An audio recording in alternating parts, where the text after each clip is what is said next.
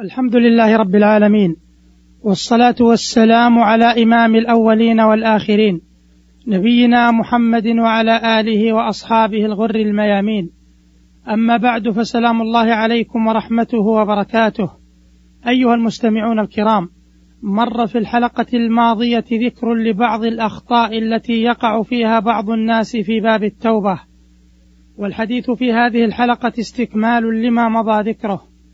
فمن الأخطاء في هذا الباب ترك التوبة خوفا من لمز الناس. فمن الناس من تحدثه نفسه بالتوبة ولزوم الاستقامة. ولكنه يخشى لمز الناس وعيبهم إياه ووصمهم له بالتشدد والوسوسة ونحو ذلك مما يرمى به بعض من يستقيم على أمر الله. حيث يرميه بعض الجهلة بذلك فيقصر عن التوبة خوفا من اللمز والعيب. وهذا خطأ فادح إذ كيف يقدم خوف الناس على خوف رب الناس؟ وكيف يؤثر الخلق على الحق؟ فالله أحق أن يخشاه.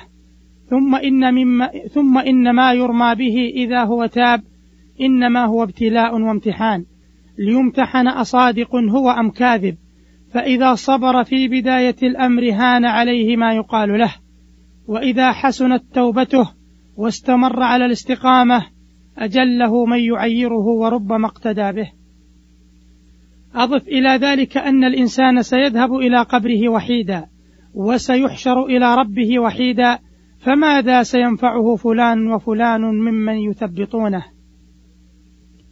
ومن الأخطاء في باب التوبة ترك التوبة مخافة سقوط المنزلة وذهاب الجاه والشهرة فقد يكون لشخص ما منزلة وحظوة وجاه فلا تطاوعه نفسه على إفساد ذلك بالتوبة. كما قال أبو نواس لأبي العتاهية وقد لامه على تهتكه في المعاصي أتراني يا عتاهي تاركا تلك الملاهي أتراني مفسدا بالنسك عند القوم جاهي وقد يكون للإنسان شهرة أدبية أو مكانة اجتماعية فكلما هم بالرجوع عن بعض آرائه المخالفة للشريعة أقصر عن ذلك مخافة ذهاب الجاه والشهرة وحرصا على أن يبقى احترامه في نفوس أصحابه غير منقوص. ولا ريب أن ذلك نقص في شجاعة الإنسان ومروءته بل إن ذلك نقص في عقله وعلمه وأمانته. وإلا فالكريم الشجاع هو ذلك الذي يرجع عن خطئه ولا يتمادى في غيه وباطله وذلك مما يرفعه عند الله وعند خلق الله. فلماذا يستوحش من الرجوع إلى الحق؟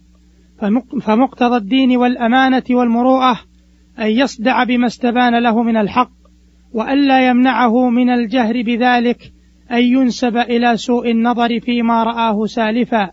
فما هو إلا بشر وما كان لبشر أن يبرئ نفسه من الخطأ ويدعي أنه لم يقل ولن يقول في حياته إلا صوابا. ثم إن الشهرة والجاه عرض زائل وينتهي بنهاية الإنسان فماذا ينفعه إذا هو قدم على ربه إلا ما قدم من صالح عمله؟ ولقد أحسن من قال تسائلني هل في صحابك شاعر؟ إذا مت قال الشعر وهو حزين فقلت لها لا هم لي بعد موتتي سوى أن أرى أخراي كيف تكون وما الشعر بالمغني فتيلا عن امرئ يلاقي جزاء والجزاء مهين وإن أحظى بالرحمة فما لي من هوى سواها وأهواء النفوس شجون فخل فعول فاعلات تقال في أناس لهم فوق التراب شؤون وإن شئت تأبيني فدعوة ساجد لها بين أحناء الضلوع أنين. أيها المستمع الكريم ومن أخطاء الناس في باب التوبة التمادي في الذنوب اعتمادا على سعة رحمة الله فمن الناس من يسرف في المعاصي فإذا زجر وليم على ذلك قال إن الله غفور رحيم كما قال أحدهم وكثر ما استطعت من الخطايا إذا كان القدوم على كريم ولا ريب أن هذا الصنيع سفه وجهل وغرور. فرحمة الله قريب من المحسنين لا من المسيئين المفرطين المعاندين المصرين.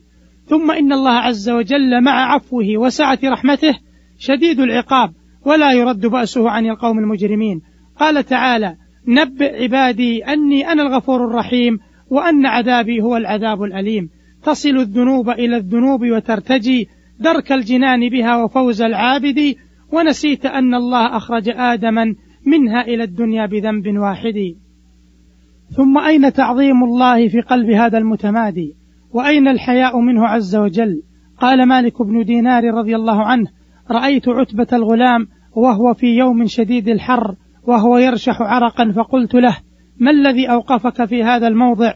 فقال يا سيدي هذا موضع عصيت الله فيه. وأنشد يقول أتفرح بالذنوب وبالمعاصي وتنسى يوم يؤخذ بالنواصي وتأتي الذنب عمدا لا تبالي ورب العالمين عليك حاصي.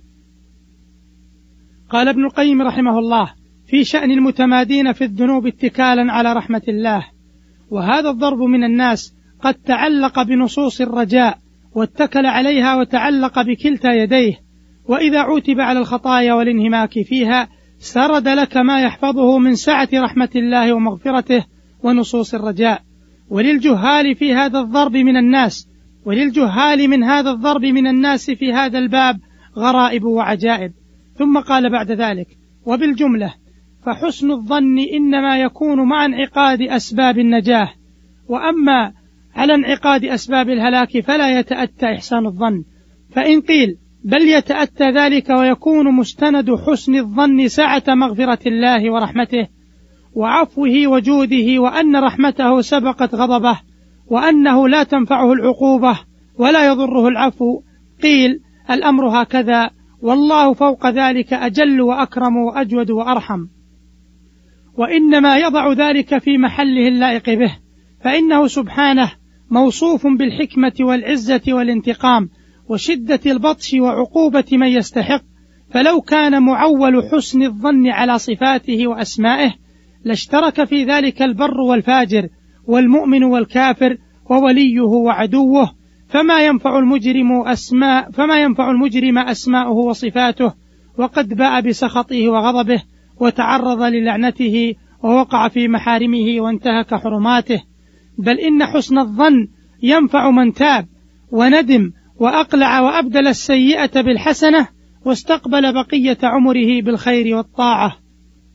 ثم حسن الظن بعدها فهذا هو حسن الظن والأول غرور والله المستعان. أيها المستمعون الكرام للحديث بقية في الحلقة القادمة. والسلام عليكم ورحمة الله وبركاته.